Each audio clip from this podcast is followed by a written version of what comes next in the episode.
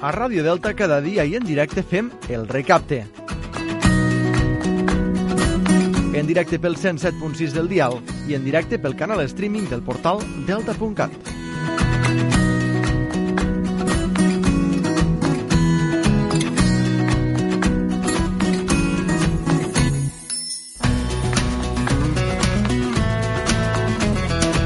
Bon dia, és dilluns 25 de gener, arrenquem un nou programa del Recapte. Passen uns 4 minutets del punt de les 10 del matí. Sigueu benvinguts i benvingudes al nostre programa després de 10 dies d'absència i en els quals hem anat recordant alguns dels millors moments del nostre programa, un programa que ja fa dos anys, uns dos anys que està en antena, eh, hem recordat, com dèiem, els millors moments del programa durant estos 10 dies i avui ja tornem a estar en tots vosaltres. Un dia, un dilluns, en el qual tenim tota una setmana per endavant, una setmana que arranca amb esta polèmica sobre si s'han d'aplaçar o no les eleccions del proper 14 d'F. Serà un dia dels enamorats una mica estrany, un Sant Valentí particular, i és que cadascú, en lloc d'enviar una carta, en lloc d'enviar una postaleta d'aquelles a la manera nord-americana, el que farà serà depositar una urna amb els colors, amb els seus sentiments eh, més profuns cap a, un cap a un partit polític.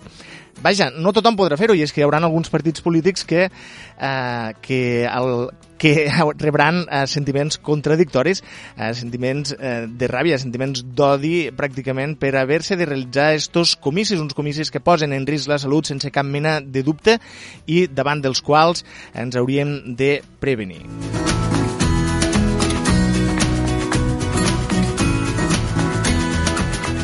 Sigui quina sigui la vostra intenció de vot en, en aquestes properes eleccions del 14F, 14 de febrer, penseu quins partits ens fan anar a votar, quins no ens fan anar a votar i a nivell de territori, en clau de territori, penseu quins partits defensen la integritat del Delta de l'Ebre i quins no han mogut un dit per fer res perquè és, eh, per defensar eh, justament el territori que durant estos dies encara paga les conseqüències no només del Filomena, este petit temporal comparat amb l'altre gran eh, temporal que és el Glòria. Aquest sí, d'aquest sí que se'n paguen les conseqüències encara eh, i, i la prova és la fragilitat de la línia de costa del Delta de l'Ebre. Durant els propers dies al nostre programa intentarem portar-vos eh, persones que amb veu, amb opinió sobre aquest tema, que ens posaran una mica de llum eh, sobre com estan les coses i sobre com, sempre des de la seva opinió, haurien de ser.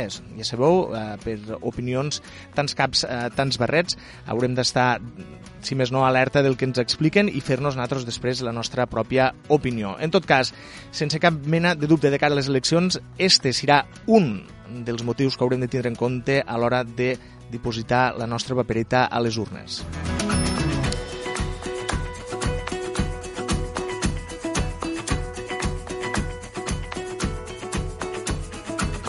Com dèiem, arrenquem la primera hora del nostre programa, un programa que ens durà pràcticament fins a les 12 del migdia i en el qual farem un repàs a l'actualitat amb el nostre company Josep Pitart, també debutarà una nova col·laboradora del nostre programa, Marc Sebastià, que ens portarà la darrera hora de les xarxes, què diuen les xarxes socials, també és un tema que ens preocupa molt i ens agrada conèixer. I a partir de les 11 ens visitarà el portaveu d'Enlairem del Tebre, Andreu Curto, amb qui farem una valoració dels dos últims plens municipals que es van celebrar la setmana passada i en el qual eh, es va donar per aprovat, per exemple, eh, el reglament, eh, la primera aprovació del que serà el reglament del Consell de Salut del nostre municipi i altres notícies d'interès local. Això serà des d'ara fins al punt de les 12 del migdia aquí al Recapte. Benvingudes, benvinguts, comencem el nostre programa.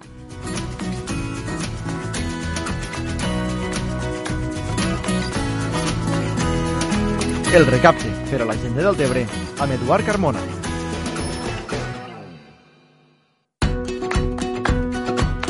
I al recapte ens agrada començar sempre, ja ho sabeu, amb bona música, música que relacionem amb el dia en el qual ens trobem. Avui és 25 de gener i el 25 de gener de l'any 1969 la banda Creedence Clearwater Revival va publicar el single Proud Mary, una cançó escrita pel cantant i guitarrista nord-americà John Fogerty. La cançó va ser gravada per primer cop per la banda de rock uh, Creedence Clearwater Revival, de la qual Fogerty tocava la guitarra principal i cantava també, eh, era, era la veu principal. Això va ser l'any 69 dins de l'àlbum Bayou Country. Una cançó que, segons algunes llistes, va arribar al número 2, segons altres, al número 1. En tot cas, una cançó que sona així de bé.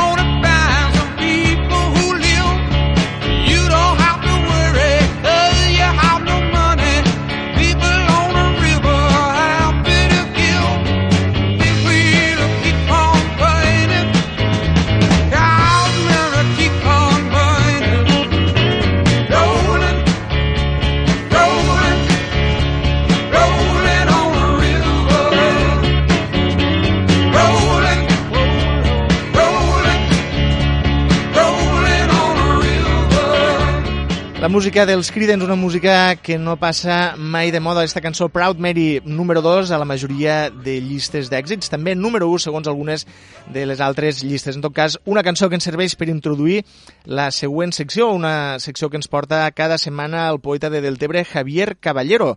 Avui Javier Caballero ens porta una càpsula titulada Les tres gràcies. Les tres gràcies, una triple corona comparteixen el llit de Cenòfila, símbols d'una triple bellesa. L'una ha posat damunt la seva pell el desig, l'altra, damunt la seva persona, l'encís. L'altra, en les seves paraules, el llenguatge dolç. Va cantar Meleagre de Gadara poeta grec de la primera meitat del segle I. Tres penyores, tres gràcies, el desig, l'encís, la dolça paraula. Safo de Lesbos, cap allà als 600 abans de Crist, cantava que la cosa més bonica del món és qui estimes. Hi ha qui diu que un exèrcit o una tropa de cavallers o una flota és la cosa més bonica del món. Per a mi, en canvi, és el qui estimes. La melancòlica Safo, d'exquisida sensibilitat, sentia així l'amor delicat i acolorit, fugisser, gairebé impossible. Em sembla igual als déus l'home que enfront de tu seu i de prop t'escolta parlar dolçament i riure encisadora. Això, de veritat, em colpeja el cor dins el pit, car quan et miro un instant ja no m'és possible dir ni una paraula sinó que la llengua s'entrava i, prest, un foc subtil em recorre la pell. Amb els ulls no veig res i em ressonen les orelles. Una suor freda em banya i un tremolor em pren tota. Estic més verda que l'herba i em sento que estic a punt de morir. Safo estima el més vell del món. Seducció, però l'amor és esquívol, voluble, un xiquet alat que juga amb darts punyents, però dona tonalitat a la vida afectiva. Què en faríem sense el llenguatge dolç? Bon dia.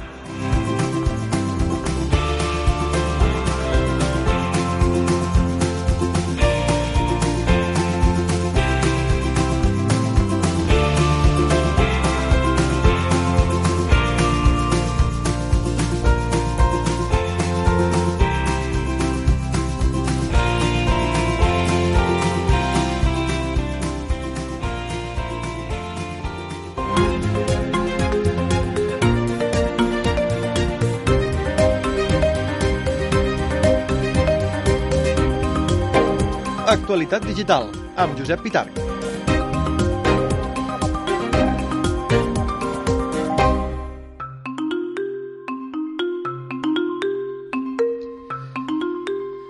16 minuts ens separen del punt de les 10 del matí, també de les 8 de la tarda i de les 12 de la nit si ens esteu escoltant a qualsevol de les reemissions que fem del nostre programa. És l'hora exacta de donar la benvinguda eh, al nostre amic, company i col·laborador Josep Pitarc. Josep, molt bon dia i benvingut. Bon dia, Eduard, i moltes gràcies. La veritat és que quan he sentit la sintonia dic, ostres, ostres... Casa, no? És una mica... Sí, sí, eh, quants de records, no? Eh, total, ha passat mm, un any. Mm, com, diu, com dia aquell, sembla que va ser ahir, no? Sí, sí, sí, sí. Diràs que... per cert, encara tinc coses gravades d'aquells atacs. Eh, Sí, sí, sí. saps? Eh, La, la gent que ens escolta ho recordarà, m'imagino que amb simpatia, Sí, aquells moments de, de repassos a les notícies, a, amb, amb reaccions curioses, no?, en nosaltres mateixos. Coses del directe. Coses no? del directe, allò que es diu coses del directe. Josep, bueno. És un plaer tornar-te a tindre aquí. Moltes Eh, gràcies. sigues benvingut. Uh, avui, com hem dit uh, a l'editorial del- de l'inici del programa, hi ha una notícia que, que arrosseguem des de fa dies i que no deixa de ser, uh, no deixa d'omplir els titulars. Mm. Sí, efectivament, eh, són les eleccions i, per tant, eh, bueno, és, és allò, no?, que pel que estic veient a les xarxes cada un s'ho mira des de, evidentment des de la seva òptica, des del seu prisma, és allò de veure la botella mig buida o mig plena, hi ha qui diu que són interessos electoralistes per part d'uns, hi ha qui diu que són interessos electoralistes per part dels altres, Clar. uns altres diuen que si la justícia pues, està fent, la justícia espanyola està fent de les seues i s'està immiscuint una vegada més en un procés eh, polític a Catalunya. En fi, que cada un s'ho mira, com te dic, del punt de vista que, que, que li interessa, no? Clar, i a mi me ve al cap aquella pregunta que s'ha fet tristament cèlebre de qui en depèn de la Fiscalia. Bueno, eh, la Fiscalia... Eh, en, en, en tot cas, en tot cas, en este, en este sentit, ha sigut... Eh, és el Tribunal Superior de Justícia de Catalunya a instància d'unes eh, denúncies d'uns particulars Sí. que creien que, en base als informes dels lletrats del Parlament de Catalunya, no podia eh, fer-se aquell, de, aquell decret d'ajornament. En tot cas, el que sí que és veritat és que si finalment les mesures cautelars eh, s'aixequen i porten a que el dia 14 de febrer es facin les eleccions, eh, se donarà la circumstància de que portarem, se sabrà el dia 8, és a dir, ja portarem una setmana de campanya, eh, cosa que és absolutament eh, estranyíssima, no, Sí. no, no, no, no hi ha constància de que hagi passat mai. És perjudicial, jo crec, per el sa exercici de la democràcia, no? Eh, sí, bueno, en tot- cas és anormal, no? És, és una cosa rara, per, per dir-ho així. I el que et comentava, hi haurà gent que pensarà que s'està mm, segrestant en certa manera la democràcia, perquè evidentment si tu estàs confinat no pots anar a votar. Uh -huh. Eh, Pots votar per correu? Sí, tens l'opció, sí, però afanyar-te perquè estem a 25 Sí, sí. de gener i per tant això ja està aquí, eh? I hi haurà gent que, que, bueno, que pensa que igual com a Portugal ahir van haver eleccions, doncs aquí també es poden fer sense cap problema, no? En fi, que, com te dia, tot canvia des del prisma que, que cada un se, ho- se ho vulgui mirar. Uh -huh. Si et sembla, mira, són coses de les que parlen els mitjans... No digues... més. Sí, deixa'm, deixa'm fer-te un, un, una, una referència sobre un, un tuit, un Mm. tuit que vaig llegir esta setmana quan, quan se van vaja, quan se va anunciar no, que de moment la cosa tirava endavant uh, un segon a veure si em carrega a l'usuari perquè és un, és, un, és un tuit que a mi m'ha fet pensar bastant diu, diu així, mira diu ara no el trobaré catxis També són coses del directe, això, eh? Sí, el directe a nosaltres no sé, no sé què li passa a nosaltres que mos té... Som amics. Hmm. Diu, mira, no, vaig a fer una cerca perquè no, perquè no el trobaré. Diu, puc fer pagaments per internet, que és més delicat.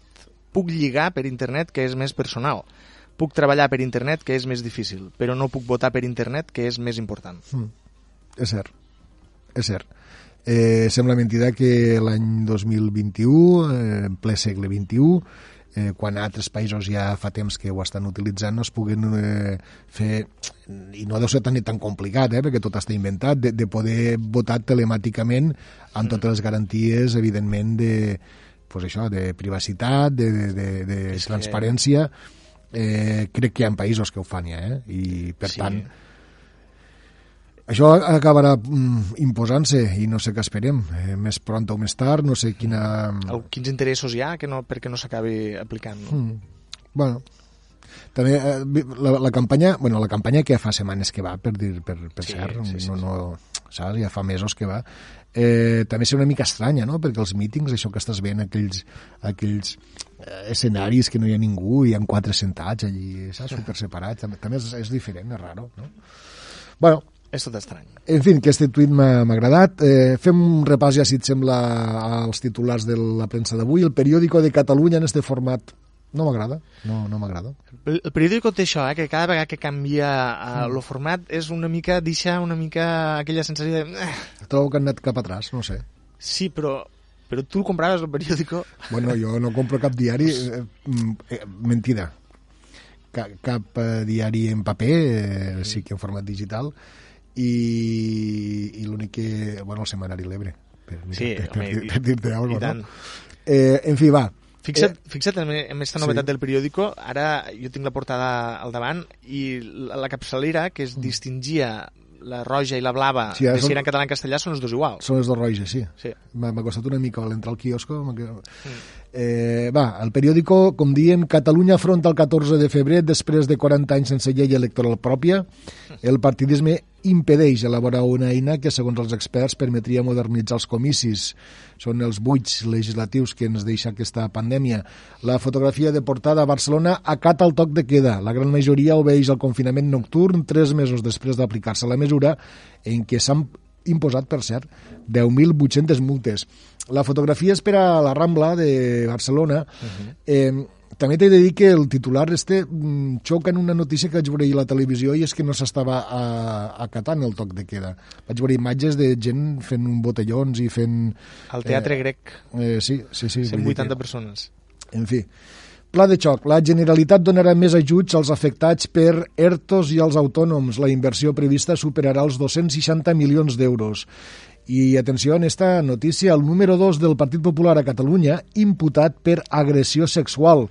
Va agredir sexualment a una companya. Eh, Uns fets que sembla que es van produir el 2016, Mm. que no van ser denunciats fins al 2019, me sembla que he sentit este matí, Mm. i que ara els enxampa el procés judicial no? en plena, En plena campanya, En plena sí. precampanya, sí. sí. i també destaca que Sousa arrasa en unes eleccions marcades pel virus. A Portugal l'abstenció se situa per sobre del 60%, tot i que el 2016 ja va ser del 51% i el 2011 va arribar al 53%, és a dir, Portugal se produeix una cosa molt interessant, Josep, Mm. que és que quan un candidat ha guanyat unes eleccions, a les segones eleccions, si eh, és, el poble li vol donar la confiança, el que fa és que no va votar mm.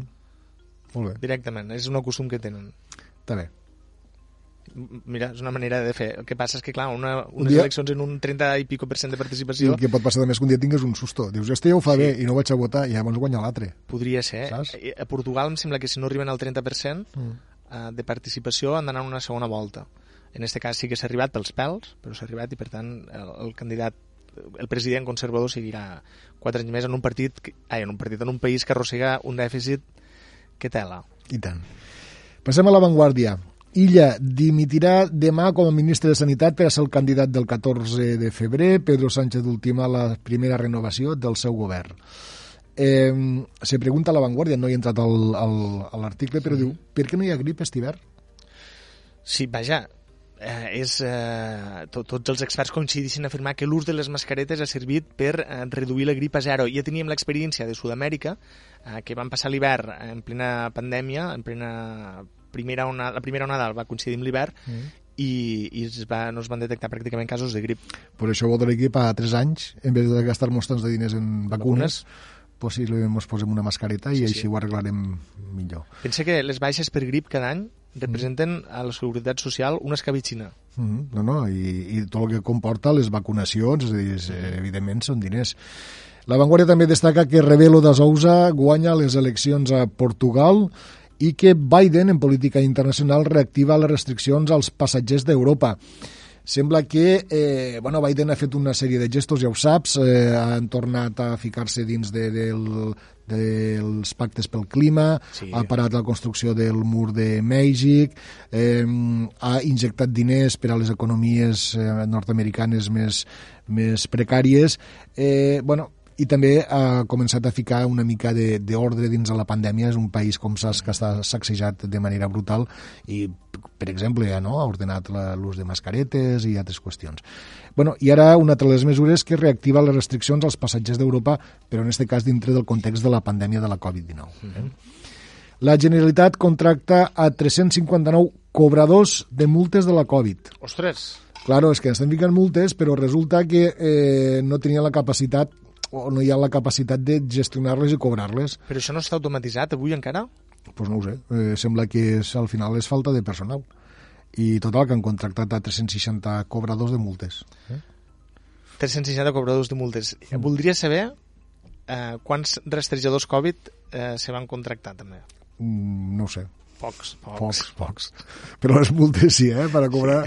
A més, que els gastos que tenim hem de cobrar Sí. Per cert, un membre de la llista de Junts mm, dimiteix després d'anomenar puta histèrica Ostres. a Ada Colau Ostres. i a més a més he vist eh, el seu perfil de Twitter a tres perles, no, no tenen desperdici i, i esta senyora va a la llista de Junts per Barcelona eh, Josep Sor i, i la veritat és que el que posa al, al, al Twitter és espectacular eh? espectacular per eh, per exemple eh, l'últim tuit mm, bueno, em sap mal dir-lo Uh, era una Si no incitació dius a la jo. violència eh, sexual cap a una presentadora de TV3 qui dius ara? Eh, sí, sí.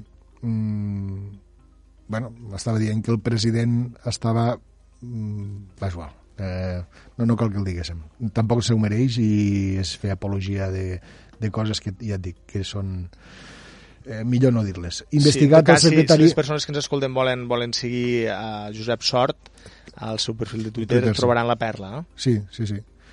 Eh, investigat el secretari general del Partit Popular Català per una agressió sexual, també a l'avantguàrdia, i eh, destaca igualment eh, els articles d'opinió, bueno, pues això, temes de, de, de l'actualitat política. Passem ràpidament a l'ABC. Eh, sé que és un dels diaris teus de, Preferits. de referència, el De tens a la capçalera. capçalera, Sí. i per tant dic avui que torno a fer el repàs de premsa, Sí, Eduard, no, no li puc fallar i hem de parlar de l'ABC. L'ABC destaca que més de 300 militars de l'Estat Major de la Defensa van rebre han rebut ja la vacuna de la Covid sense, eh, sense que els ho toqués. Sabeu que ha saltat aquest cap de setmana, ho, ho destacava l'Ebre Digital, uh -huh. Que el, el, el cap del, del GEMAT, el galerenc Villa, Vilarroya, Vilarroya. eh, va, ser, va dimitir, de fet, per, per, per haver-se posat la vacuna quan no tocava, però és que no era aquest home només, que era, és el cap, sinó que ens diu l'ABC que hi havia 300 militars més de tot l'estat major, que, ojo també, que, que, que l'estat major si tingui 300 militars, eh, o sigui, Què fan, no? Quines tasques tenen cadascú? claro, saps? A la millor un s'encarrega de portar los, los majors a l'altre. Un porta la, la maleta, la, 300 tios a un estat major, és a dir, hauríem, no sé, pues que vagin a, a, a servir, no? A, a, Si en fossin 10, si fossin 10 seria, un estat, seria l'estat menor, però que són 300 és l'estat major. Lo que, bueno, eh, caldria pensar si hi ha hagut dimissió o si algú l'ha convidat no, a, a que... Eh, Jo, jo he estat pensant una mica en això i m'ha semblat, m'ha semblat que ja comptaven amb, amb, amb, amb precedents, no? I altres polítics havien eh, utilitzat la, bueno, la, la seva situació de poder per vacunar-se Mm.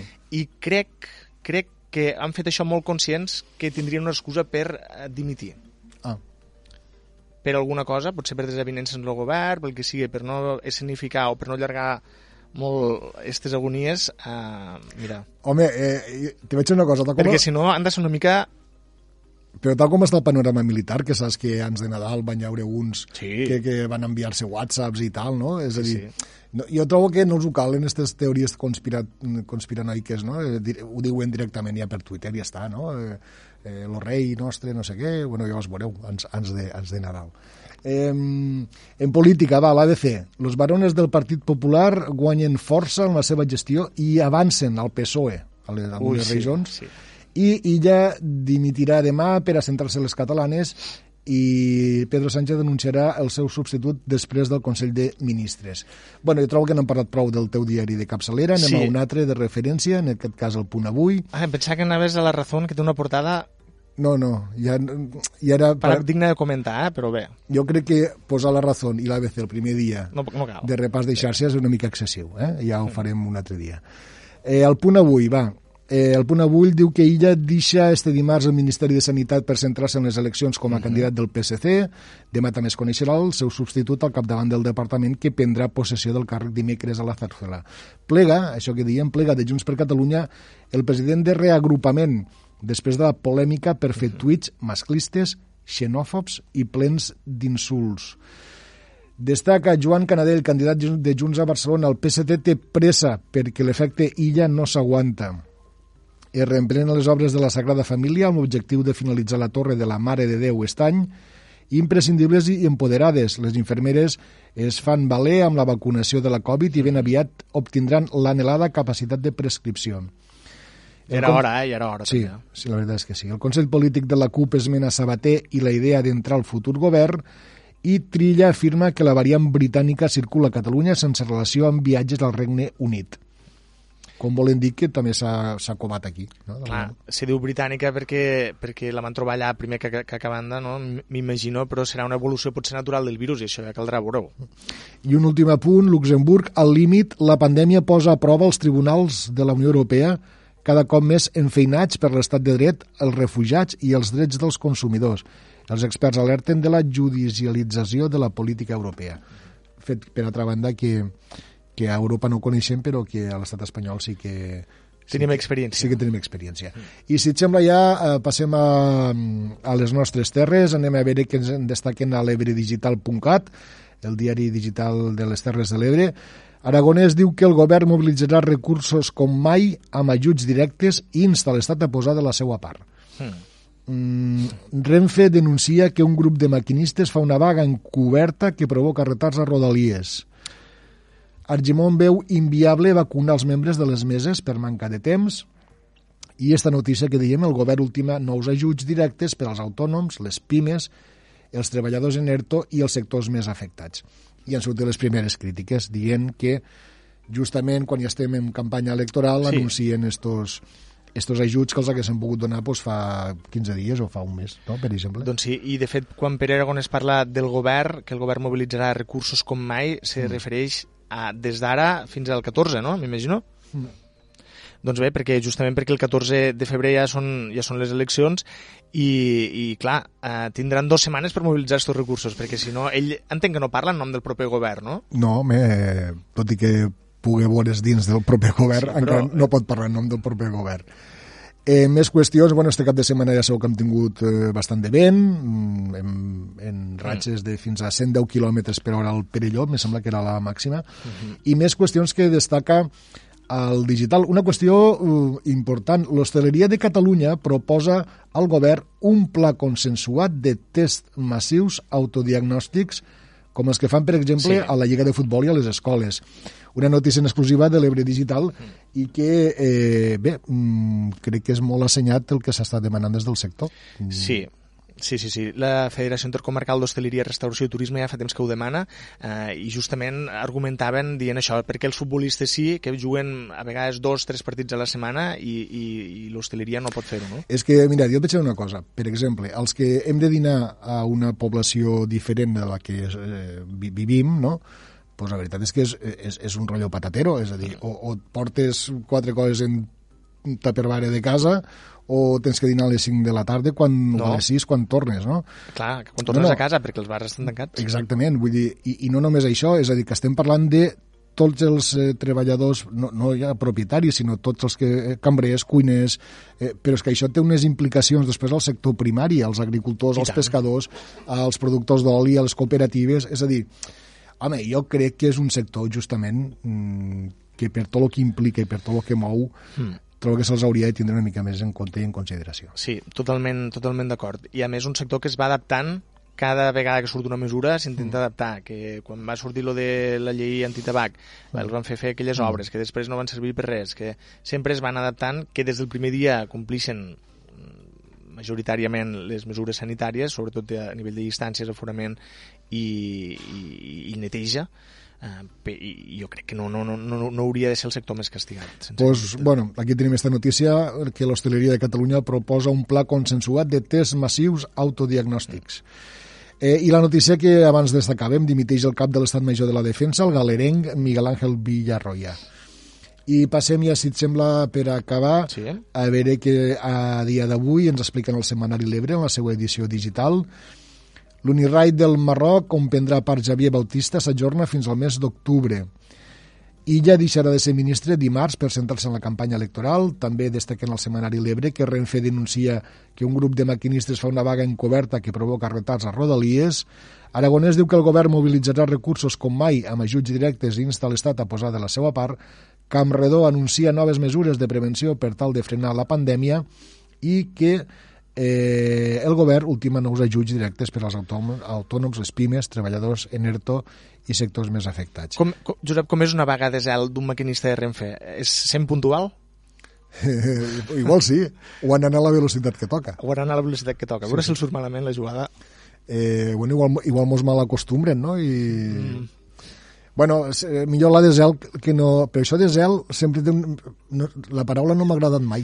Home, abans s'hi dia vaga la japonesa. Sí, sí, sí, és la que jo entenia, vaga la japonesa. Però que això de zel me sona com a aparellament entre, entre animals, saps? Allò del tren entrant al túnel, no? Sí, per Una exemple, mica. la metàfora, o sigui, la imatge seria esta, no? Entren al túnel en una vaga de zel. Bueno, Bé, és una imatge que demanem als nostres oients que s'esbo- s'esborren o, directament, o, o, no, o no. perquè Renfe és, és, tot, vaja, és la representació màxima de l'antierotisme. Eh, bueno, veig que hem tornat bé, eh? Sí. Eh, Hem tornat bé després de- d'este de, parèntesi. En fi, fins aquí el repàs a Sí, les notícies. sí, sí. No sé si volies destacar alguna cosa més, Josep. Eh, no, bueno, que a la una comencem les notícies del terreno, les Mhm. notícies de casa nostra, a través dels vuit dials, de les vuit emissores municipals, i que després... Avui tenim tertúlies, dilluns i tenim tertúlia. Si vols estaven els tertulians. I tant. Eh, el senyor Paco San Francesc Sancho, el senyor Joan Caballol Mhm. i el senyor Josep Caçador. déu nhi tres grans, tres, tres veterans de la política. Viejos rockeros. Exacte, Sí, sí. que, que, que sempre, sempre fan, participen en tertúlies molt interessants. Eh? Home, són... i Te vaig dir una cosa, i era en sèrio, són tres persones que Sí. s'han d'escoltar molt bé el que diuen. Eh? Saben el que diuen i tenen ja l'edat per dir-ho, a més a més. Eh? Exacte. Molt bé, Josep, doncs moltes gràcies per esta, per este repàs a l'actualitat del dia. Ens veiem a, a la partir de la una a l'informatiu al dia Terres de l'Ebre. Vinga, disposar, estarà. Nosaltres seguim en la sintonia del recapte al 107.6 de la FM, també a través del portal informatiu deltacat.cat i seguim connectats a, a la informació. Ja hem fet el repàs habitual a la premsa del dia i ara toca fer un repàs a les xarxes socials. Què diuen les principals xarxes socials? I ho fem amb la nostra companya Mar Sebastià. Mar, bon dia i benvinguda. Bon dia, moltes gràcies. Avui, eh, avui tenim a Marc que ens acompanyarà els propers dies al nostre programa uh, avui fent este repàs a les xarxes a les principals xarxes socials. Marc, què, què trobarem a les xarxes socials avui? Doncs aquest cap de setmana s'han vist moltes imatges i vídeos força impactants d'Amsterdam i Eindhoven, uh -huh. on han hi ha hagut mm, diverses manifestacions, perquè aquest cap de setmana s'ha activat el, el toc de queda, uh Mhm. -huh. per primer cop a, a Holanda des de... Des de la Segona Guerra Mundial, deien, no? Bueno, jo havia llegit que des del primer confinament del març. Ah, Eh, en tot cas, el, el toc de queda que han activat és de, de 8 de la nit, em sembla, o de 9 de la nit, fins a les 4 i mitja del, del matí, i eh, han hi hagut protestes a, tant a Amsterdam com a Eindhoven que han acabat amb, amb impactants imatges de, de protestes i, i, i disturbis. i disturbis entre la policia i els manifestants, que, que no estaven d'acord amb, amb les mesures. Tot i així és un toc de queda relaxat, eh? no és dels més, dels més, uh, dels més, mm, dels que abarquen més hores, si més no, no, és dels més estrictes. Sí, comparat en, en el que tenim aquí, que, que és fins a les 6 i mitja, Mm -hmm. doncs poden sortir més pronta pel matí i, i, per la, i per la nit suposo que també a ells no els importa tant com a nosaltres, no sí, ho sé. suposo. Eh, sí, aquestes imatges han sigut força impactants, però jo crec que el més destacat d'estos de, recent, dies recents és la, el meme de Bernie Sanders, el senador independent de l'estat de Vermont, que s'ha convertit en un fenomen viral És, és increïble, eh? Jo no he vist tants de, de tota classe amb el Bernie Sanders. Recordem com era la imatge, Mar, era el senador que ja és, és, és, un, és un iaio, diguéssim, té Sí. les pintes típiques de iaio de pel·lícula de, de Solo en casa, per exemple, no? Sí, és un senyor gran i Sí. surt sentat amb, amb una cadira plegable, amb les cames i els braços també creuats, i com a fet destacat és que porta unes manoples que semblen fetes... cuina? Sí, de cuina i com fetes amb llana. Sí, eh? I a partir d'esta imatge d'ell pues, s'ha extrapolaritzat i s'ha posat en, en altres contextos i fins i tot s'han fet aplicacions i filtros a Instagram i altres xarxes on, on pots situar el senador en el context que tu vulgues. I en, en este cas, eh, destacat el meme de Memes de l'Ebre, en què ha fet la seva pròpia versió situant el senador a, als bancs del canal d'Amposta, prenent-li lloc a altres personatges mítics eh, ampostins i ampostines. M'encanta, m'encanta perquè surt uh, de moltes maneres. Per exemple, uh, Demi Moore uh, ha tuitejat un, un vídeo on es veu la cèlebre escena de la pel·lícula Ghost on, on ella està fent ceràmica i al darrere es veu Bernie Sanders apareixent uh, en lloc de Mickey Rourke es veu Uh, en lloc de Patrick Swayze, perdó, es veu uh, Bernie Sanders amb les, amb les manoples fent, fent el, el, aquest gerro no, tan mític, aquella escena tan mítica de la pel·lícula Ghost. Uh, hi, ha, hi ha fins i tot els memes en vídeo, eh? Sí, sí, sí. Si us passegeu una mica per Twitter i Instagram trobareu moltes coses. Si us atreviu a fer, a fer el vostre propi meme, doncs també. I eh, Rapitenc sense filtro, no sé si coneixeu la seva llista que fa cada any, quan comença l'any, ell Sí. fa una curiosa llista de porra de morts del 2021. Mhm. Aquest any ja l'havia fet, eh, i comptava amb, amb personatges com l'exfutbolista brasileny Pelé o l'actriu Carmen Sevilla o inclús s'ha atrevit a posar el jove cantant de trap Setangana. Ostres. Eh, eh, el que aquest cap de setmana ha- l'ha actualitzat i ha afegit les festes majors de tots els pobles. Ostres. No sé què en penses, Eduard. Ostres.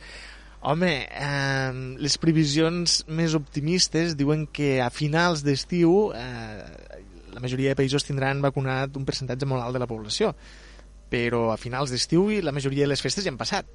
Si aquestes vacunes no arriben i a les Terres de l'Ebre anem molt endarrerits encara, potser sí que acabaran morint enguany també eh, serà una mort temporal per això.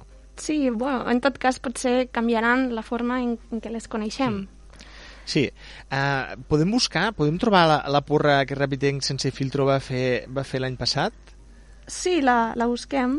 A veure si la trobem. Mira, de fet, és una llista bastant, bastant similar. Uh, l'any passat ne van encertar uns quants. A veure, diu després del fracàs de l'any passat... Diu, després del fracàs de l'any passat, en referència al 2019, diu, procedeixo a repetir quasi totalment la porra, no? I tenia, en primer lloc, el rei Joan Carles I, l'actriu Carmen Sevilla, l'actor Kirk Douglas, que aquest sí que ens va deixar, Carmen de Mairena, que també ens va deixar, Mhm. el duc d'Edimburg, encara, encara, segueix, encara segueix viu, i, i sembla que prou bé, El- l'expresident de la Unió Soviètica, el Mikhail Gorbachev, el papa Ratzinger, Maradona, Maradona ens va deixar. que també ens va deixar, Melendi, aquí no tenim notícies de moment, tot i que artísticament ja porta mort uns quants anys, eh, sembla que ell encara està viu, i, i Ciutadans, no? el partit polític. No, se, no, no se'n va anar de molt, eh? perquè totes les enquestes eh, pronostiquen la pràctica, vaja, una davallada espectacular de Ciutadans, no la mort com a partit, però déu nhi Sí, veurem si l'encerta. Sí. I, i a la porra, i a la porra d'enguany inclou l'actor Andrés Pajares, també el futbolista Pelé, com tu has dit, i, i si t'engana. I les festes majors. I les festes majors, Sí. exacte. Doncs sí, això és tot el que tinc de novetats. Veurem com avança la setmana a les xarxes. Molt bé, Marc, caldrà estar, esta setmana m'imagino que caldrà estar pendents encara d'estes eleccions. Suposo que serà un tema, un tema recurrent de si es fan, si no es fan, en quina posició se van situant cadascun dels partits, quan ara queden poc més de tres setmanes per estos comicis, que potser el dia abans ens diran que no es fan. Ai, mare. Ai, mare, veurem. Molt bé, Marc Sebastià, este repàs a les xarxes socials, eh, gràcies per este repàs. Ens tornem a trobar eh, demà. Vale, fins demà. Fins demà.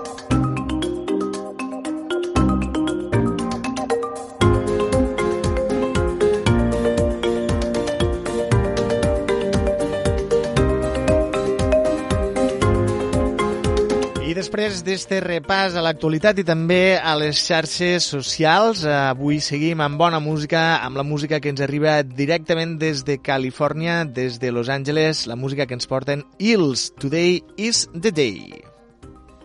Today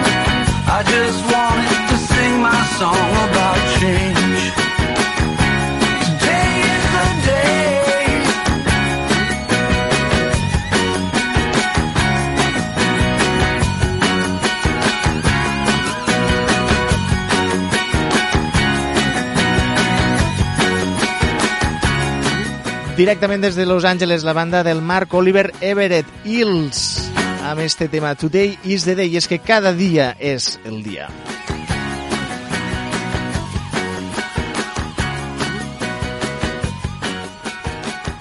I de Los Angeles fem un salt a la plana de Vic. I fem el salt de la mà de la cantautoria de la cantautora Núria Graham, que ens portava en el seu penúltim disc esta cançó titulada Smile on the Grass.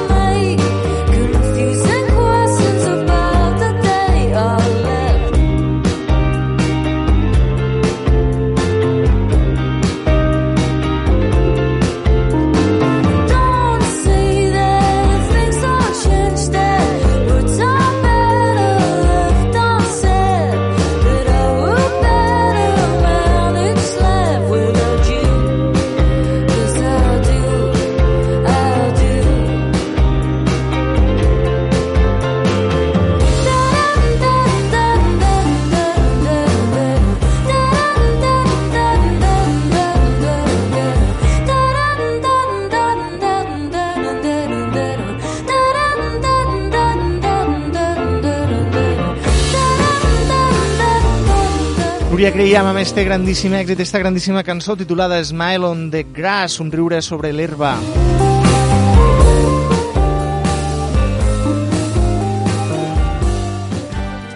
Seguim amb una altra banda mítica, són el Rem, amb una cançó que segurament us recorda l'anunci de les galetes Fontaneda, eh, que sí, ja veureu. Són, és la cançó titulada Shiny Happy People. Amb aquesta cançó us deixem amb una selecció musical fins a la segona hora del programa. Tornem de seguida.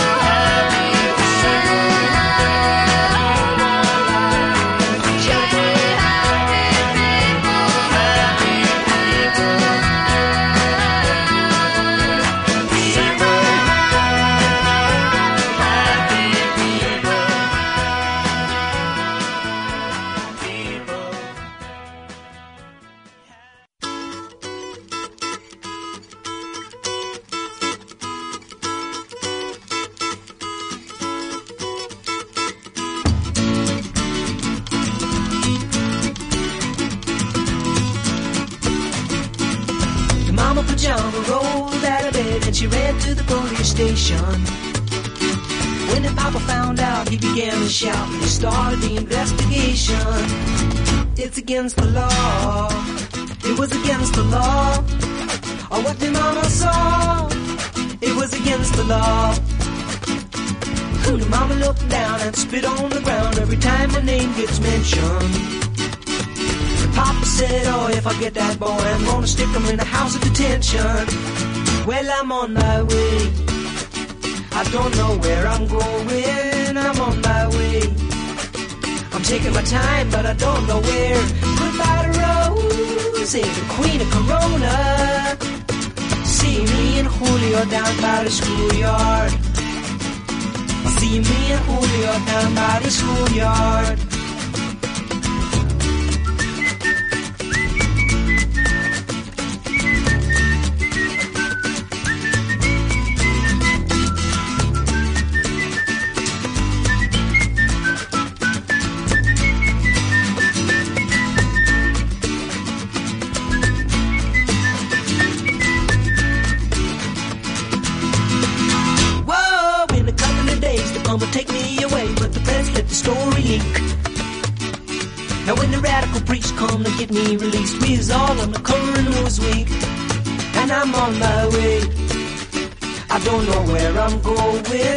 I'm on my way. I'm taking my time, but I don't know where. Goodbye to Rose, the queen of Corona. See me and Julio down by the schoolyard. See you me and Julio down by the schoolyard. See me and Julio down by the schoolyard.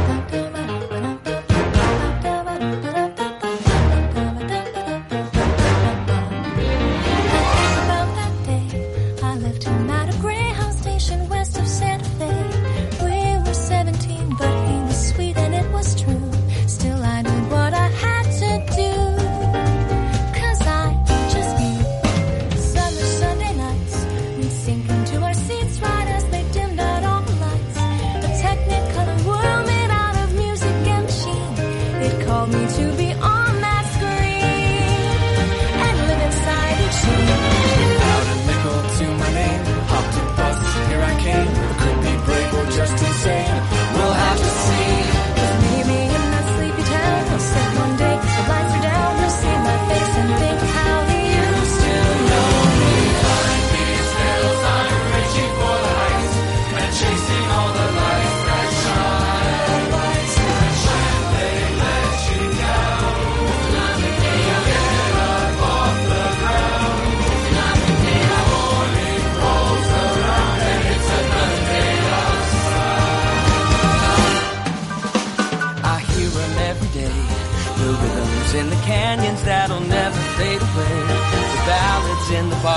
left by those who came before.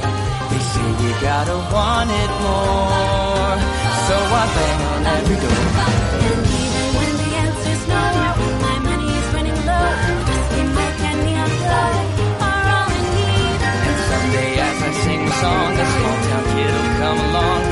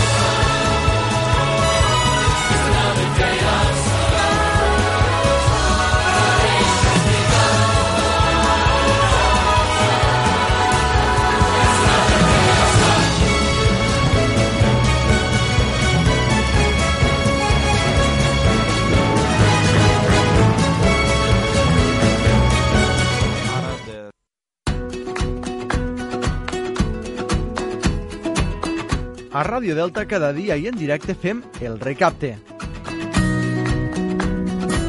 En directe pel 107.6 del dial i en directe pel canal streaming del portal delta.cat.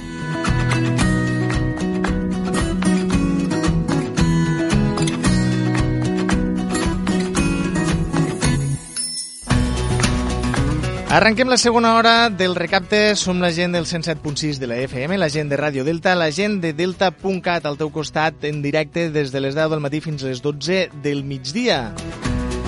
Si ens escolteu des de que hem començat el programa o us acabeu de connectar ara mateix a les zones del nostre programa, sigueu benvinguts i benvingudes. Us donem la benvinguda a aquest nostre programa que pretén fer-vos companyia aquestes dues hores i aportar-vos a casa vostra tota l'actualitat referent al nostre municipi.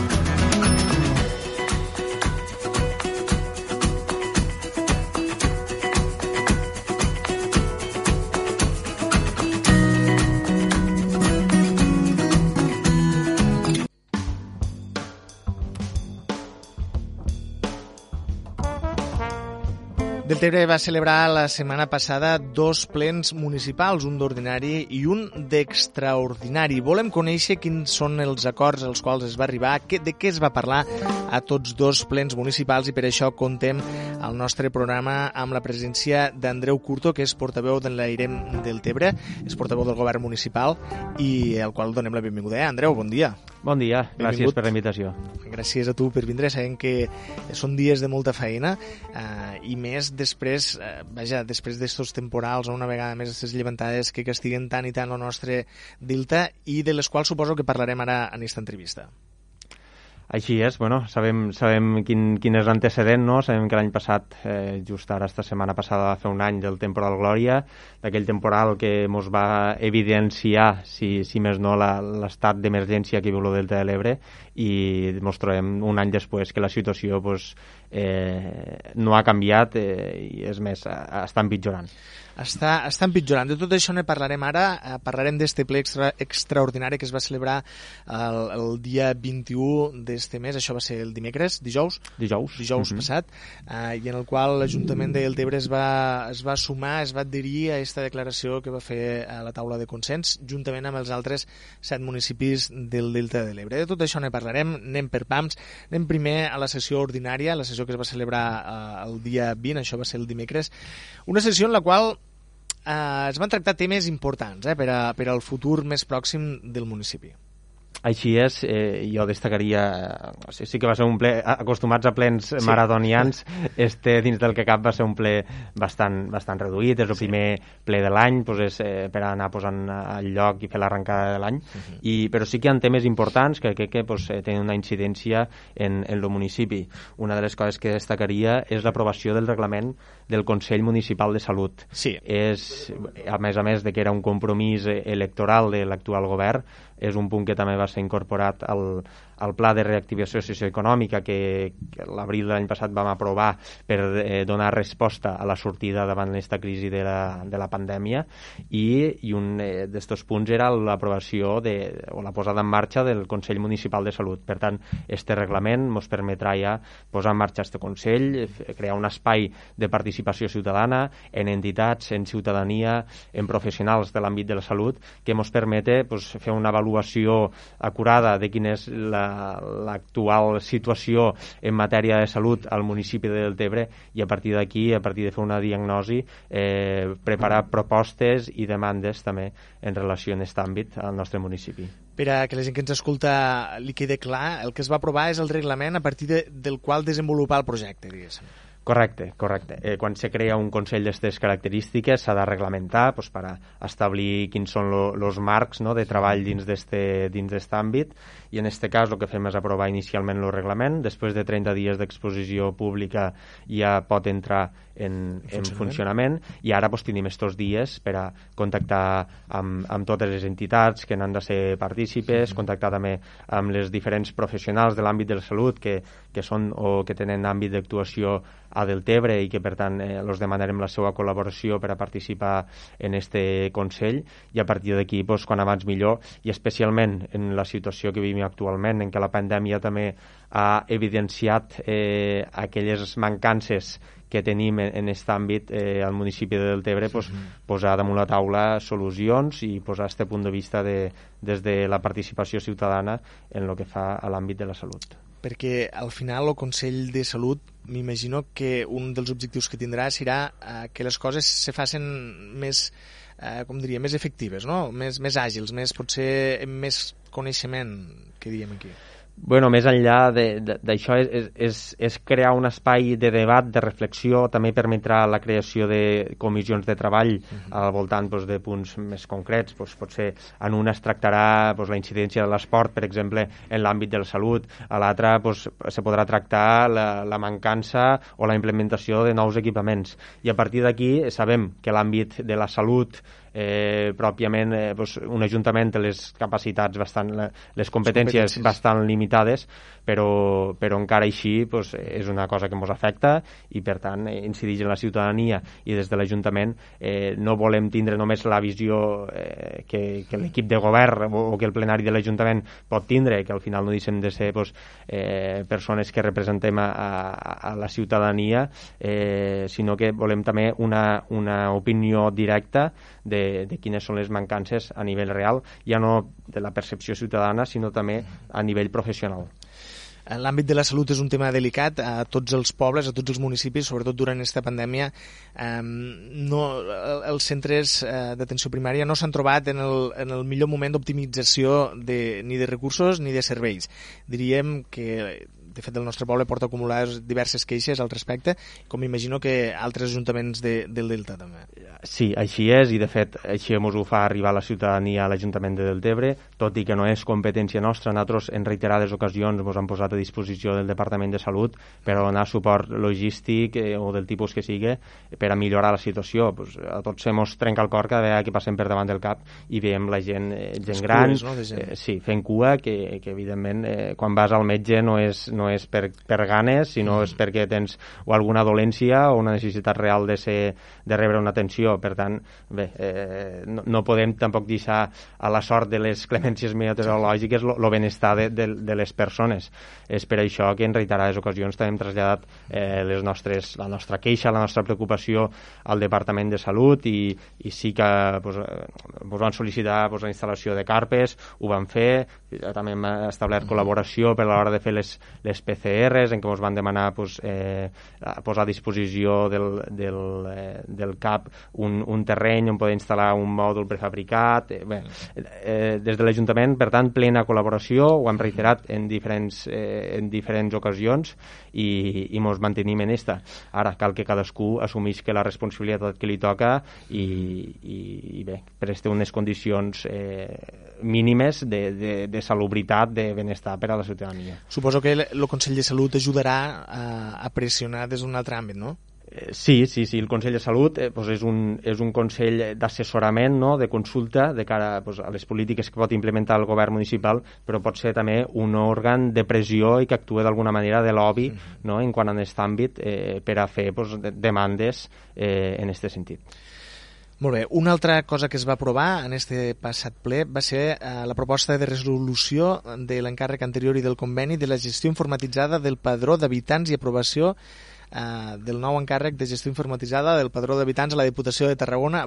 Diguem-ho això en paraules senzilles. Correcte, sí. Bé, l'Ajuntament de Deltebre eh, gestiona el padró municipal de Deltebre i ho fa a través d'un programari de la Diputació de Tarragona. Ja crec que va ser el 2008 que es va firmar un conveni per actualitzar esta, esta col·laboració i ara és, és, És la renovació és- del conveni, co- no? Sí, sí, sí. Uh, degut a diferents canvis legals, pues, este conveni ara s'ha quedat una mica obsolet i simplement és una, és una renovació, és un punt de, de tràmit, bàsicament. De tràmit, és a dir, no, no, tin- afecten res al dia a dia. No, de- no, no tindrà cap afectació en, en el dia a dia de la, de la ciutadania. Molt bé, més coses. Un altre punt interessant eh, per a, que es va aprovar va ser eh, la proposta d'aprovació inicial del reglament de cessió i ús d'equips informàtics reutilitzables. Això és important. Uh -huh. Això doncs, també dona resposta al desplegament del pla de reactivació socioeconòmica. Una cosa que ha evidenciat també la pandèmia és que no tothom, ara en què el teletreball doncs, és una recomanació eh, eh, per, a, per, a, per a moltes persones, no? que tothom que pugui treballar des de casa ho hauria de fer. També moltes famílies de xiquets doncs, potser no disposen dels mitjans per a, per a poder seguir les, cases, les classes uh -huh. eh, online en cas de confinaments eh, de grups. Eh, per tant, això el que pretén és que aquelles persones que no disposen dels mitjans tècnics eh, i per tant no tenen els dispositius per a poder seguir eh, pues les classes o el seu treball eh, del dia a dia a través d'estos mitjans electrònics, l'Ajuntament posaria un banc de, de, de material. un banc de material que particulars o empreses en què pues, se'ls queden obsolets els seus dispositius puguen fer una sessió a l'Ajuntament. Uh -huh. L'Ajuntament, per tant, gestionarà este banc i després, eh, en base a criteris socials, eh, amb, amb, los, amb els recursos que tenim a l'abast, se faria arribar a aquestes persones en els dispositius posats a punt, se faria una avaluació de, de quin és l'estat dels, dels dispositius. No acceptarem tampoc pues, dispositius que estiguen molt, molt vells o que no servisquen per a, per a aquesta finalitat i, i és pues, bueno, un mitjà més per a posar per a, per a reduir esta bretxa no? en, en quant al en esta bretxa informàtica Tecnològica. la bretxa tecnològica, correcte Uh, cal, cal pensar que a vegades uh, moltes empreses uh, volen, volen i necessiten estar a l'última pel que fa a equipaments informàtics que no vol dir que, que, vaja, que aquests equips no es puguen aprofitar. De fet, eh, un, segons quins ordinadors, per exemple, de segons quines empreses, poden servir encara durant molts anys per a, per a moltes coses, no? però potser per a les tasques específiques d'aquesta empresa ja no. Eh, de fet, es va parlar al ple d'una recomanació que és que, vaja, una, com ho diríem això, una, un criteri seria que es miraria si pot ser no rebre equips de, que tinguessin més de 5 anys.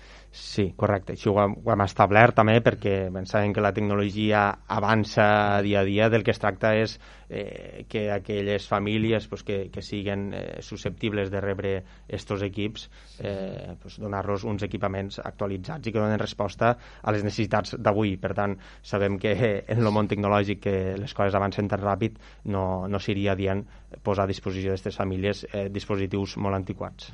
Um, en referència a això, eh, suposo que esta, esta decisió també, esta, la creació d'aquest nou reglament per la- l'adquisició i reparació i gestió d'equips informàtics per a la gent que, que ho necessita, um, se pren també perquè des del Departament d'Educació encara no han arribat els ordinadors, els equips promesos, no? a, a, que es van prometre a principi de curs.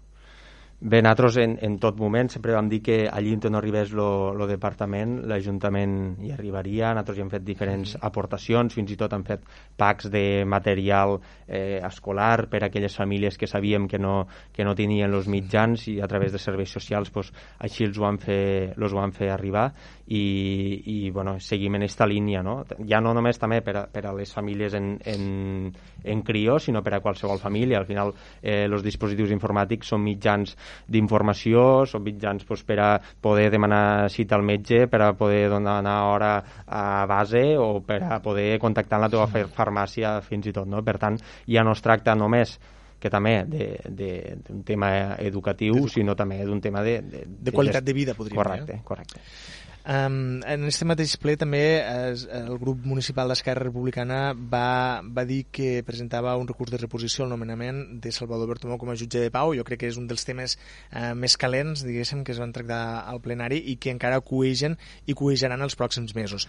No sé si volies dir alguna cosa al, al respecte com a portaveu del govern. No, de fet, en el mateix recurs que, que presenta Esquerra Republicana, juntament amb el Partit Socialista, eh, ells mateixos admeten que el nomenament s'ajusta a llei. Per tant, bé, nosaltres hem fet trasllat d'este recurs també al, al TSJ, que és qui fa el nomenament. De fet, el nomenament no el fa l'Ajuntament, l'Ajuntament simplement eh, trasllada la proposta. Recordem que això doncs, és un procés obert en què tothom que vol pot presentar-se, sempre quan complisca els criteris. En este cas, el senyor Salvador Bertomeu va ser una de les persones que va presentar-se i va ser la proposta que, que l'alcalde va portar al plenari. I, per tant, bé, si el mateix recurs que, que presenta l'oposició ja admet que, que s'ajusta a, a tots els criteris que, que són exigibles per a la- per a l'ocupació d'aquest càrrec, doncs bé, poc recorregut eh, tindrà.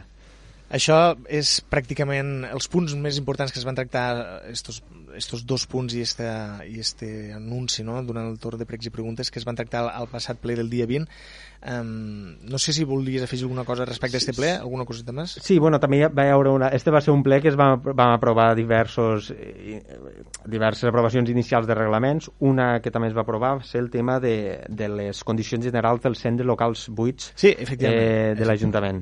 Eh, Important, també. També era un punt que portàvem al pla de reactivació socio socioeconòmica, que sabem que és un pla que va marcar a un any i que, per tant, a cada plenari anem actualitzant i anem, eh, i anem desplegant i este era un punt en què l'Ajuntament pretén fer una mica de eh, de mitjancer eh, en, en quant a, a les persones que tenen ganes d'emprendre i que tenen ganes d'implantar un negoci a Deltebre i, i aquells propietaris que, que, tenen, eh, que tenen locals buits. No? Hi ha molts locals buits a Deltebre i pot ser una persona que, que vol eh, engegar un negoci i no sap massa bé Cap a on anar, no? cap a on anar. Llavors, aquí de lo que pretenem és posar un aparador a, a disposició de la ciutadania, la persona pues, eh, a través d'un plànol no? podrà veure, a veure, a mi m'interessa posar-me pues, a Josep Maria perquè sé que aquí hi ha un target de persones que, que, que s'adiuen al que jo vull vendre. Pues, eh, que sàpiga una mica què és el que hi ha. No pretenem tampoc substituir la, la tasca de les, de les immobiliàries no és la feina de l'Ajuntament però eh, sí que facilitar d'alguna manera este contacte entre eh, venedors o, o, o, o locals i, i llogaters o compradors Clar, moltes persones que van escoltar el ple, lo ple municipal potser pensaven que este reglament feia referència als espais i, el, i als edificis que són estrictament propietat de l'Ajuntament. No, no, no, no és, no és així, és, és fer de mitjancers, eh, com deia, entre propietaris eh, particulars i, i possibles, eh, possibles nous negocis o gent que potser es vol canviar de, de la seva ubicació actual i no sap a, cap a on pegar, doncs, bueno, és, és posar un aparador a disposició de la ciutadania. Tot amb la intenció de facilitar una mica les, les ges- gestions per tal que l'economia torni a reflotar. No? Correcte, correcte, sí, sí, sí. Molt bé, uh, ara sí, que este es va ser un dels, dels tres punts importants que es van tractar en este ple. Un ple que, diguéssim que la feina d'este ple ja es va fer en l'últim ple de l'any 2020, que, que va ser un ple llarg d'aquells per deixar-ho tot, tot arreglat per començar l'any i eh, el que sí que no va tindre lloc eh, durant este ple sinó l'endemà va ser la celebració del ple extraordinari durant, que es va celebrar simultàniament als set municipis del Delta de l'Ebre durant els quals els set ajuntaments del Delta donaven suport a la declaració de la taula de, de consens. Eh, L'Ajuntament de Deltebre, com no podia ser d'una altra manera, se va, se va adherir en esta, en esta declaració. Sí, de fet, bueno, l'Ajuntament doncs, és un dels promotors eh, de, de la constitució de la taula de consens. Sabem que ara la taula de consens s'ha constituït també com a associació i vam aprovar los, lo, lo, los estatuts eh, ja fa pocs plens, no sé si va ser el darrer o, o l'anterior, i, i per tant, bé, eh, som d'alguna manera part, part activa, més que adherir-nos, som part activa d'esta taula de consens que agrupa els set ajuntaments i les dues comunitats de regants del Delta. Bé, i aquesta declaració pues, és el que parlàvem al principi, no? fa només que evidenciar pues, que, que estem de la mateixa manera que estàvem, sinó pitjor, perquè a cada temporal pues, anem perdent una mica més, una mica més, i al final pues, no quedarà res que defensar. Eh, D'altra banda, aquesta declaració el que posa de manifest és que anem a per totes, i ara eh, s'explora una nova via, que és la via europea i la via de denunciar aquelles institucions, especialment pues, a l'estat espanyol, que és qui té la competència en, en costes per no haver actuat a temps i, i per haver agreujat la situació que viu lo Delta i també eh, pues, eh, picar el crostó a la Generalitat perquè sabem que la protecció dels espais naturals eh, és competència de, de la Generalitat de Catalunya i per tant aquí eh, en dues administracions per la seva part tenen la seva part de responsabilitat que al final acabem pagant la gent del territori. Una mica aquesta situació me recorda a aquelles converses entre enamorats per telèfon de penja tu, no, penja tu, no, penja tu i estan una hora més gastant telèfon no, sense penjar. Sí. Eh, un per l'altre no es posen d'acord i això està aquí per, a, per arreglar, hi ha molts problemes a fixar. De fet, tant és així que l'alcalde de Deltebre, de Deltebre encara va anar més lluny i, i va suggerir no, que s'arribaria allí on calgués, i tot fent referència a a, a, les, a, a protestes i, com ho diríem, acció, acció social, no? Sí, així és, perquè... Bueno, si el... Mobilitzacions socials. Mobilitzacions, sí, sí, sí. Eh, a banda de la via judicial que, que estem determinats a emprendre, eh, no em deixa mai de banda aquesta opció de la mobilització, no? que és quan realment demostres eh, al carrer la força que tens en, en, bueno, esta, és, no? quan una, en una societat madura, en una societat eh, lliure, doncs la mobilització i la protesta sempre és una opció que hem de, que hem de tindre en compte i és una manera de vehicular també eh, la indignació eh, que patim la majoria de gent del Delta. Crec que aquestes pues, últimes imatges eh, que han vist arrel del Filomena pues, han, han avivat una mica més, eh, si cap, la, la flama aquesta no, d'indignació de, davant de, de la inacció pública, perquè de fet eh, lo Delta pateix d'una per acció i per omissió no, està patint els efectes de, de les administracions competents que no han actuat d'acord als interessos del territori. Eh, la via judicial que dius que s'enceta i també la via europea eh, no acostumen a ser vies que tinguen un èxit immediat. Andreu, eh, en canvi, el Delta sí que necessita solucions immediates. Eh, com què pot esperar un, un ciutadà del Delta de l'Ebre, i ja no parlo de Deltebre, sinó des del teu punt de vista, eh? que si, si creus que pots parlar en nom de tothom, què pot esperar eh, de les administracions? Tant sigui, eh, o sigui si, si es veuen en la pressió d'unes accions judicials o socials, mobilitzacions socials, què, què trobes que faran? Què, què pot esperar un habitant del Delta? Eh, per part de l'Ajuntament de Deltebre, el que els hi puc assegurar a la ciutadania és que farem tot el que estigui en les nostres mans, el que es veu i el que no es veu, perquè pues és normal que no tota la informació arriba ni tota la informació a vegades se, se pot traslladar, però la, la pressió i el que hem estat damunt, eh, especialment pues, l'alcalde del Tebre com a representant del municipi, eh, mediant entre una administració i l'altra per a que finalment pues, se faci alguna cosa, pues, ha, estat, eh, ha estat important i jo que pues, eh, vic de prop i al costat eh, puc afirmar que, que, és, que és diari, no? d'insistència, de reunir-nos, de truca'm, de fes això, fes allò, i, i bueno, eh, l'esperança mai s'ha de perdre, però també hem de tindre en compte que, que aquí mai ningú m'ho regala res i, i a la mínima que et despistes una mica pues, eh, te la peguen. I, i per tant, eh, l'esperança que queda és que que es posen d'acord. Eh, ja no és allò que diem penja tu, penja jo, sinó descolga el telèfon i parlem-ne. Sí. Eh, un dels compromisos que després del Filomena immediatament pues, se van establir en una reunió a, a la Ràpita en, en el vicepresident aragonès, la consellera d'Agricultura i, i el conseller de Territori, va ser, no, no, demà eh, el conseller Aragonès va dir demà mateix truco al president Sánchez el conseller Calvet, demà mateix truco a la, a la ministra i, i, i en parlem. Això quin dia va ser? Això va ser, eh, pues fa 10, 10 dies eh, i, claro, eh, és, és que això ja fa un any que ho haurien d'haver fet. Exacte. No demà truco, eh, ahir per sí. tant, eh, bueno, sabem que el lo, clima polític eh, pues, possiblement no és el més, lo més adient o el, el que més pot eh, propulsar un, un tipus d'enteniment en aquest tema, però al final nosaltres ja no entenem ni de colors ni de banderes, sinó que entenem de que el nostre territori, la nostra casa, s'està morint i ningú està fent res per evitar-ho.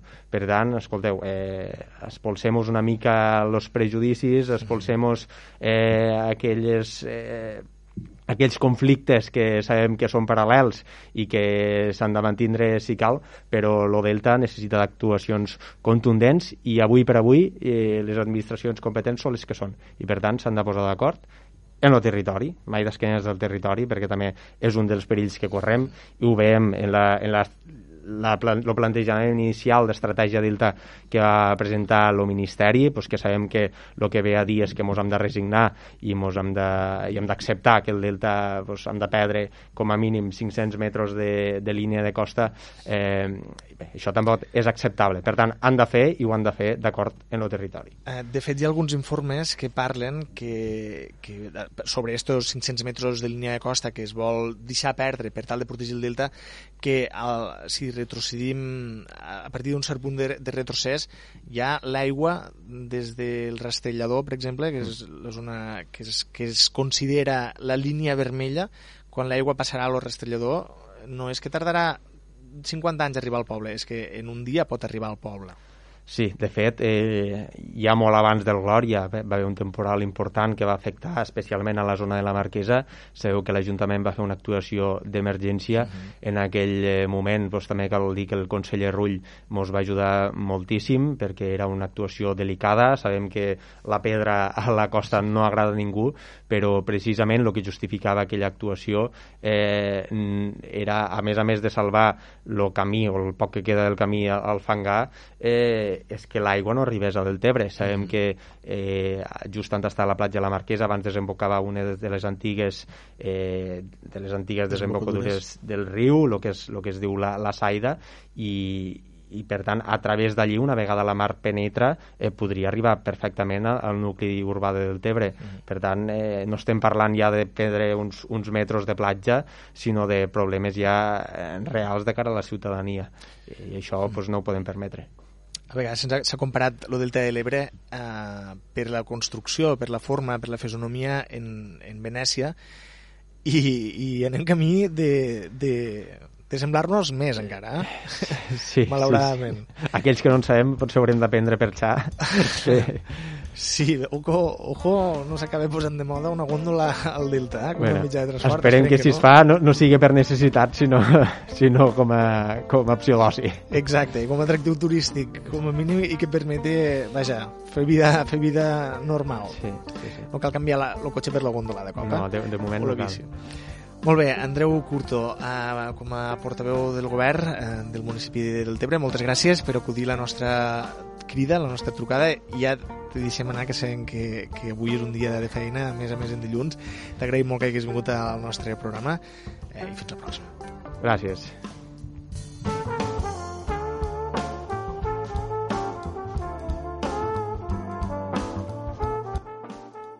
Nosaltres, després d'aquesta entrevista a Andreu Curto, portaveu del govern de l'Aigua del Tebre, aquí eh, nosaltres eh, seguim amb bona música al nostre programa, al Recapte, i ho fem amb la gent dels, amb els Manel, la gent de la banda, la banda de Barcelona, que ens portaven fa temps amb un dels seus grans discs una cançó titulada Quin dia feia amics.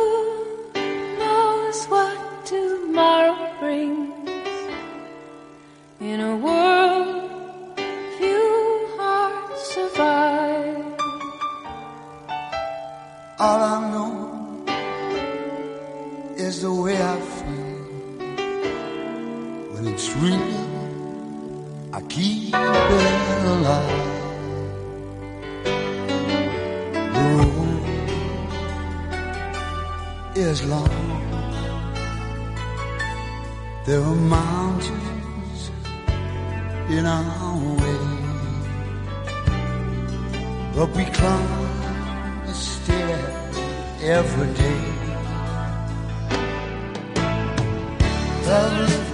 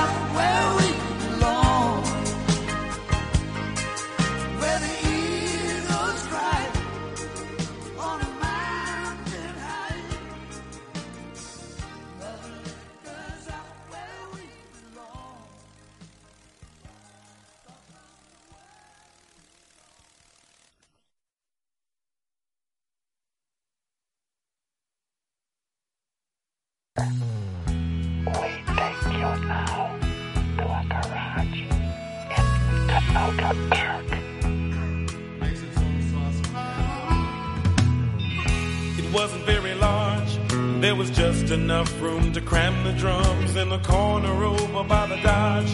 It was a 54 with a mashed up door and a cheesy little lamp. With a sign on the front said Fender Champ and a second hand guitar. It was a Stratocaster with a whammy bar.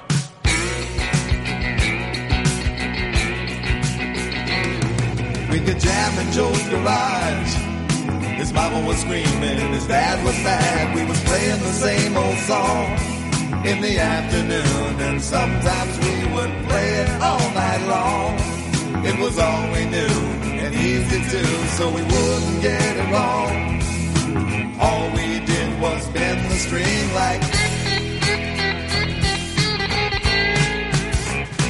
Hey, down in Joe's garage, we didn't have no dope or.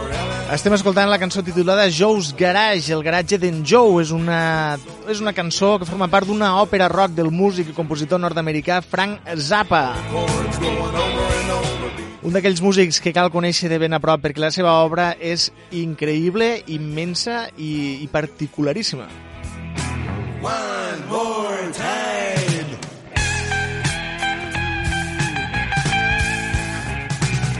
We could jam in Joe's garage. His mama was screaming, turn it down. We was playing the same old song in the afternoon. And sometimes we were playing all night long. It was all we knew and easy too, so we wouldn't get it wrong.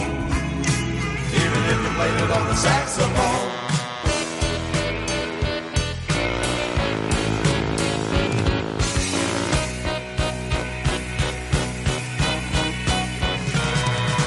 Thought we was pretty good. We talked about keeping the band together and we figured that we should.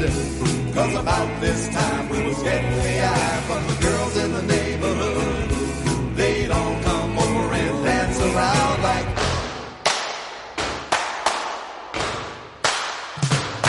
So we picked out a stupid name. Had some cards printed up for a couple of bucks and we was on our way to fame. Got matching suits and boots and a sign on the back of the car. And we was ready to work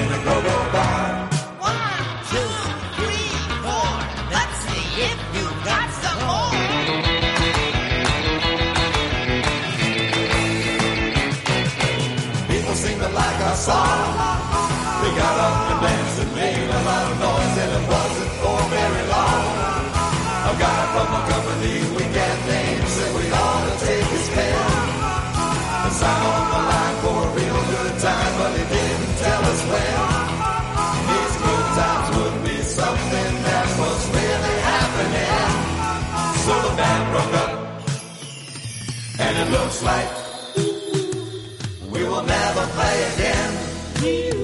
Guess you only get one chance in life to play a song that goes like.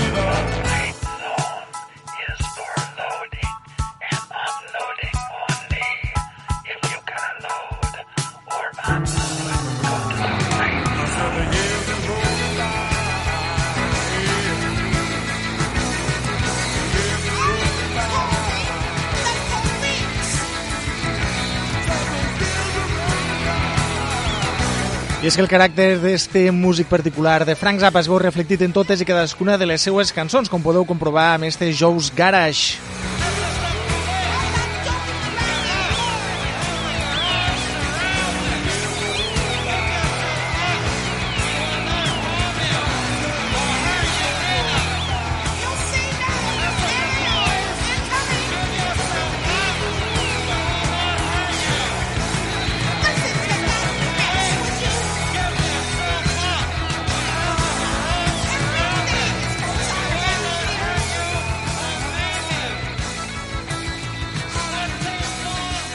Doncs ara sí estem arribant al final del nostre programa, al final del recapte d'avui, un recapte de reincorporament, un recapte de tornada i que, i que ens portarà a, a continuar amb vosaltres molts dies a la sintonia del 107.6 FM, també a través del portal informatiu del tacat.cat i a través de les moltes aplicacions i plataformes que ofereixen continguts radiofònics a través de la xarxa.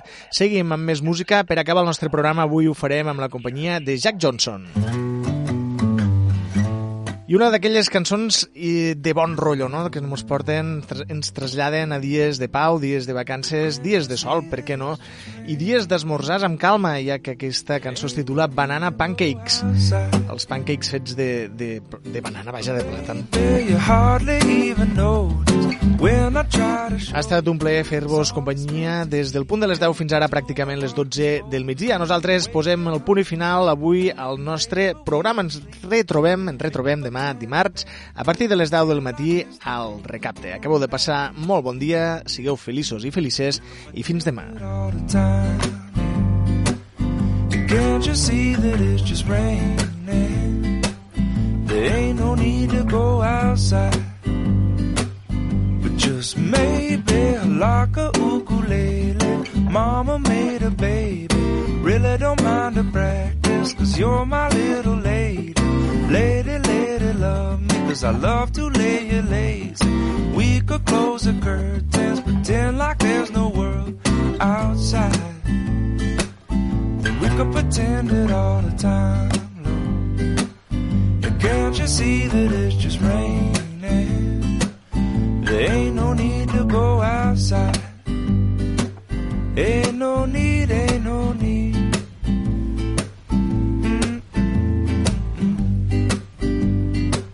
Can't you see, can't you see?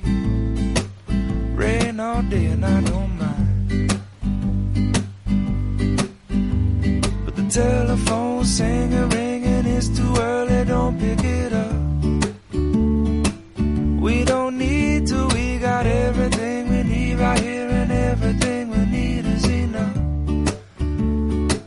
Just so easy when the whole world fits inside of your arms. Do we really need to pay attention to the alarm? Wake up slow. Mm-mm. Wake up slow.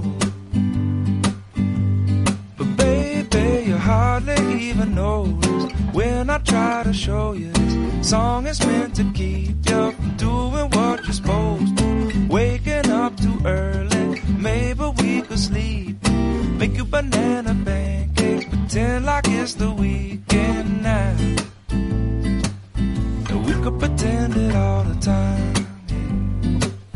And can't you see that it's just raining? There ain't no need to go outside. Ain't no need, ain't no need. Rain all day and I really, really. Can't you see, can't you see?